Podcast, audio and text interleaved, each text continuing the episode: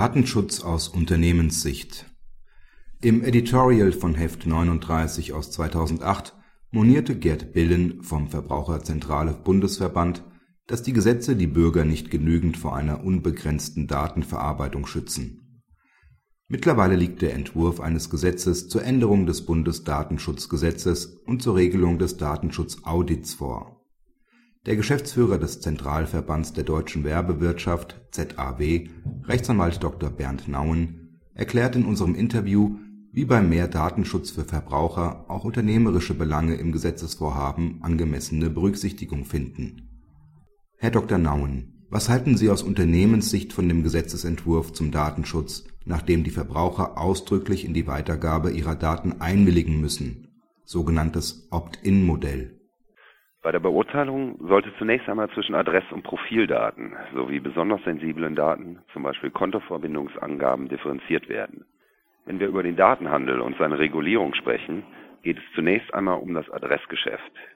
Die Regelungen des Gesetzesentwurfs würden nun das zentrale Anliegen des Direktmarketing, Adressen zu Werbe- und Marketingzwecken zu nutzen, um Verbrauchern Werbung für Produkte per Mailing zukommen zu lassen, praktisch ausschließen bei Abschaffung des Listenprivilegs respektive Statuierung eines Opt-in-Vorbehalts für die Verarbeitung und Nutzung der nach dem geltenden BDSG nach Art und Anzahl bereits streng begrenzten Listendaten würden deshalb nicht nur das etablierte Geschäftsmodell von Dialogmarketingagenturen, Listbrokern und Lettershops praktisch unmöglich gemacht, auch weitere Branchen wären betroffen.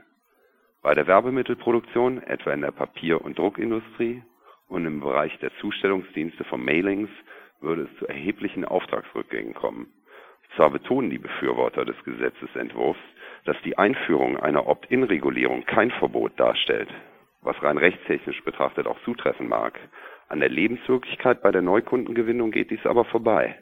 Die Streichung des gesetzlichen Zulässigkeitstatbestands wird sich hier aufgrund des unpraktikablen Einwilligungsvorbehalts, so wie er im Gesetzesentwurf statuiert ist, wie ein Verbot auswirken. Schauen Sie, wie soll etwa der Hotelier an der Ostsee Verbraucher, die bislang im Süden Deutschlands ihren Urlaub verbracht haben, zukünftig noch mit einem vertretbaren Aufwand gezielt ansprechen, wenn die hierzu erforderlichen Adressdaten nicht mehr wie bisher legal zur Verfügung gestellt werden können? Der Gesetzesentwurf bleibt hierauf eine überzeugende Antwort schuldig. Insofern sollte nicht nur zur Kenntnis genommen werden, dass Auslöser der Debatte kriminelle Verhaltensweisen Einzelner im Zusammenhang mit sensiblen Daten, insbesondere Kontodaten waren, auch die praktischen Folgen einer Opt-in-Regulierung müssen in Betracht gezogen werden. Wir wissen, mehr als 80 Prozent der Unternehmen in Deutschland, insbesondere aber kleinere und mittelständische Unternehmen, nutzen adressierte Werbesendungen zur Marktkommunikation für das Neukundengeschäft. Ohne die differenzierte Regelung zum Listenprivileg wäre dies nicht denkbar.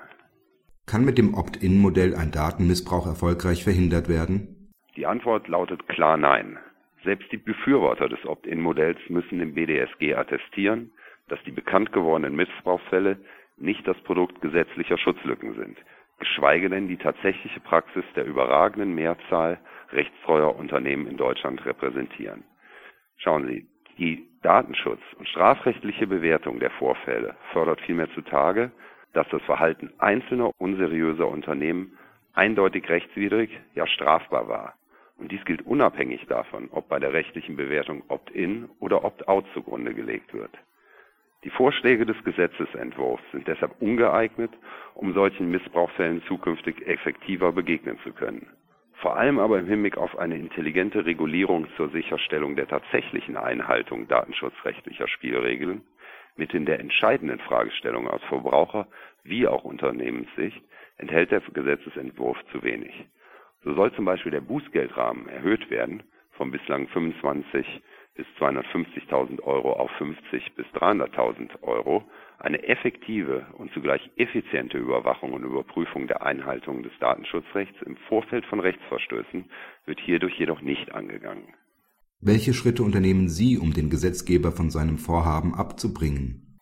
Datenschutz ist in rechtlicher und tatsächlicher Hinsicht eine besonders komplizierte Materie. Rechtspolitische Entscheidungen bedürfen daher äußerst umsichtiger Vorbereitung. Dabei sind die Befürchtungen von Verbrauchern, Medien und Politik sehr ernst zu nehmen. Allerdings herrscht immer noch erhebliche Unkenntnis darüber, was auf Basis des geltenden BDSG erlaubt ist, was in diesem Rahmen von der überragenden Mehrheit rechtstreuer Unternehmen tatsächlich praktiziert wird und wo die Grenzen der Legalität bereits heute liegen. Angesichts der bemerkenswerten Schnelligkeit, mit der nach den öffentlichkeitswirksamen Vorwürfen rechtspolitische Forderungen formuliert wurden, ist diesem Zusammenhang offenbar noch nicht ausreichend Rechnung getragen worden. Dies gilt es in den nächsten Wochen gegenüber politischen Entscheidungsträgern und der Öffentlichkeit klarzumachen. Unvoreingenommenen Fachleuten ist jedenfalls klar, dass das Listenprivileg weder die Ursache für die Vorkommnisse der letzten Monate darstellt, noch dessen Streichung den Schlüssel zur Vermeidung zukünftiger Fälle solchen Ausmaßes beinhaltet. Also wird es vor allem darum gehen, praktikable Vorschläge für eine effektive Kontrolle und Beachtung datenschutzrechtlicher Standards aufzuzeigen. Hier sehe ich die deutsche Wirtschaft auf einem guten Weg. Und mit dem gleichzeitig vorgelegten Entwurf für ein Bundesdatenschutz-Auditgesetz hat das zuständige Ministerium zudem einen Schritt in die richtige Richtung getan. Jetzt kommt es darauf an, dass das hierin enthaltene erhebliche Potenzial zur Sicherstellung einer effektiven Einhaltung und Überwachung des materiellen Datenschutzrechts mit dem BDSG intelligent zusammengeführt wird. Wie könnte man eine bessere Balance zwischen den schutzwürdigen Interessen der Verbraucher und der Werbewirtschaft hinbekommen? Nach Ansicht des ZAW braucht es zweierlei. Erstens ein hohes und zugleich praktikables Niveau beim Datenschutz und zweitens effektive Maßnahmen, um die Kontrolle und Einhaltung dieses Datenschutzniveaus besser als bislang auch tatsächlich abzusichern. Vor diesem Hintergrund, gegen den ja wohl niemand etwas einzuwenden hat, könnte die Nutzung von Listendaten künftig an Bedingungen geknüpft werden, und zwar vor allem der kontinuierlichen Erfüllung der vom Datenschutz-Auditgesetz statuierten weitergehenden tatsächlichen und rechtlichen Voraussetzungen. Wer also das strenge TÜV-Siegel nach diesem Gesetz erfüllt und damit die tatsächliche unternehmerische Praxis einer verstärkten effektiven Kontrolle auf Basis des gesetzlichen Anforderungskatalogs unterzieht, soll weiterhin das Listenprivileg nutzen können. Wer seine Geschäftsabläufe hingegen nicht auf diese Weise transparent gestalten mag, hat dann auf Basis des Opt-in-Regimes zu wirtschaften und damit auch die erheblichen Nachteile, die hiermit verbunden sind, zu tragen. Auf diese Weise kann auf effiziente Art ein fairer und für die Mehrzahl der seriösen Unternehmen praktikabler Interessenausgleich beim Datenschutz erreicht werden. Vielen Dank für dieses Interview, Herr Dr. Nauen.